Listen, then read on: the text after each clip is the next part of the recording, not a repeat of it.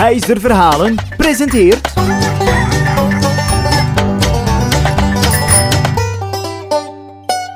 Er was eens een vrouw met twee lieve kinderen. Haar jongste kind Jelle moest elke dag het bos in om hout te halen. Maar op een dag moest Jelle heel wat hout gaan halen omdat het ging stormen. Hij vertrok het bos in en bleef uren en uren tussen de takken van de bomen hangen. Maar plots daar in de verte kwam een klein kind aangelopen. Het was een bloedmooi kind en hielp graag mee om hout te verzamelen.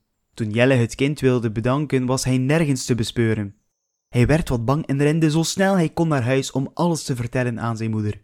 Maar natuurlijk geloofde zijn moeder daar helemaal niets van. Ten slotte liet hij een roos zien aan zijn mama. Die had hij gekregen van het kind in het bos. Dat kind had gezegd aan Jelle dat hij terug zou komen vanaf de roos was uitgebloeid.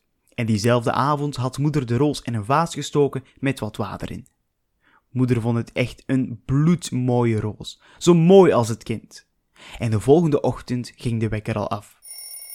Maar enkel moeder en haar oudste kind stonden op. Jelle kwam maar niet naar beneden.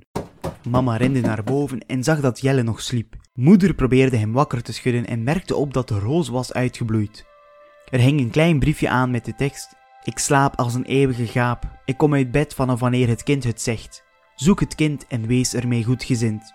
Jelle sliep jaren en jaren, maar nog steeds vond niemand het kind in het bos terug. Elke dag zochten mensen ernaar en elke dag wordt er gehoopt dat de kleine jongen gevonden wordt, zodat Jelle terug kan wakker worden. Vond jij dit een leuk verhaaltje? Volg Huizer Verhalen dan maar snel op Facebook en op Instagram.